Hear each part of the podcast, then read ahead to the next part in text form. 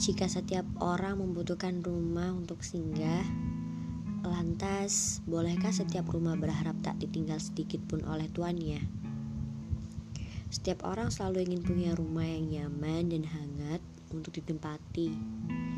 Namun, saat tiba waktunya, ia tetap pergi meninggalkan rumah itu sendiri dan kosong. Bolehkah setiap rumah meminta untuk dijaga dan dirawat semestinya sebelum ditinggalkan sendiri dan kosong? Jika rumah itu adalah kamu, akan aku upayakan untuk kita tetap sama-sama dalam keadaan nyaman dan hangat. Agar kamu tetap pulang dan kita selalu bersama.